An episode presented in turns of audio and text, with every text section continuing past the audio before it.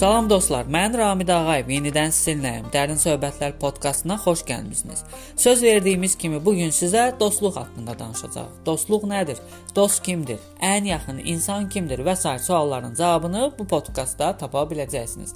Odur ki, bizi dinləməyə davam edin. Gəlin ilk öncə daha şəxsiyyətlərin dostluq haqqında bildirdikləri fikirlərə bir nəzər salaq.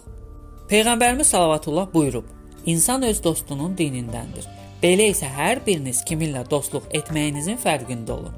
İmam Əli əleyhissalam buyurub: Dost yaxınların ən yaxınıdır. Dostu olmayan kəsin ehtiyat azuqəsi olmaz. Dostlar müxtəlif bədənlərdə bir ruhdular. Daha sonra Albert James dostu haqqında, dostluq haqqında belə deyib: Məndən qabaqda getmə. Mən sənin arxanca gedə bilmərəm. Məndən arxada gəlmə. Mən səndən qabaqda gedə bilmərəm. Mənimlə yanaşı addımla və mənim dostum ol. Daha sonra belə bir Çin atalar sözü var. Dost seçərkən sizdən daha yaxşı olanı seçin. Dünyada çox tanışınız ola bilər, amma həqiqi dostlar çox azdır. Ralph Waldo Emerson bildirib: "Mən dostlarımı tapmadım, mərhəmətli Allah onları mənə verdi." Daha sonra Aristotel dostluq haqqında belə deyib ki, dostluq bir insanın düşüncəsini, fikrini aşılayan bir insandır. Daha sonra Henry David bildirib ki, dostum üçün edəcəyim ən yaxşı əməl sadəcə onun dostu olmaqdır. Daha sonra belə bir Çin atalar sözü də var. Həqiqi dostlarla birgə içilən su da çox şirin olar. Bəli, daha şəxsiyyətlərin fikirləri çoxdur. Biz onlar haqqında çox danışa bilərik. Lakin gəlin keçək mövzumuzun əsas hissəsinə. Düşünək. Dost kimdir? Dost bir ağzına tikə qoyarkən, yəni çörək yeyərkən dostunun çörək yeyib yemədiyini, ac və ya tox olduğunu düşünən şəxsdir.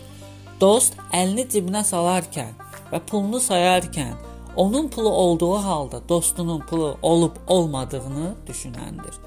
Dost öz dostunun pis günündə, yaxşı günündə yanında olub, onun həmişə yanında dayaq olub ona dəstək olan şəxsdir.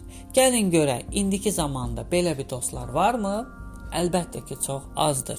İnsanlar indiki zamanda dostluğu sadəcə bir ə, xitab etdikləri sözə çeviriblər. Məsəl üçün, kimsə kimlənsə münasibət qurursa, tanışlıq səviyyəsində münasibətləri olursa, ona xitab edərkən dost deyə xitab edir. Bu əlbəttə ki, dostluğun əsl dəyərini aşağı salır. Odur ki, ətrafınızda doğrudan da sizə dəyər verən, sizin qayğınızı çəkən, sizin yanınızda olan əsl dostunuz varsa, ona dost deyə xitab edin və ətrafınızda onu dəyərləndirin və bilin ki, dost sizin həyatda qazana biləcəyiniz ən dəyərli xəzinədir. Bu xəzinəni itirməyin. Görüşənədək sağ olun.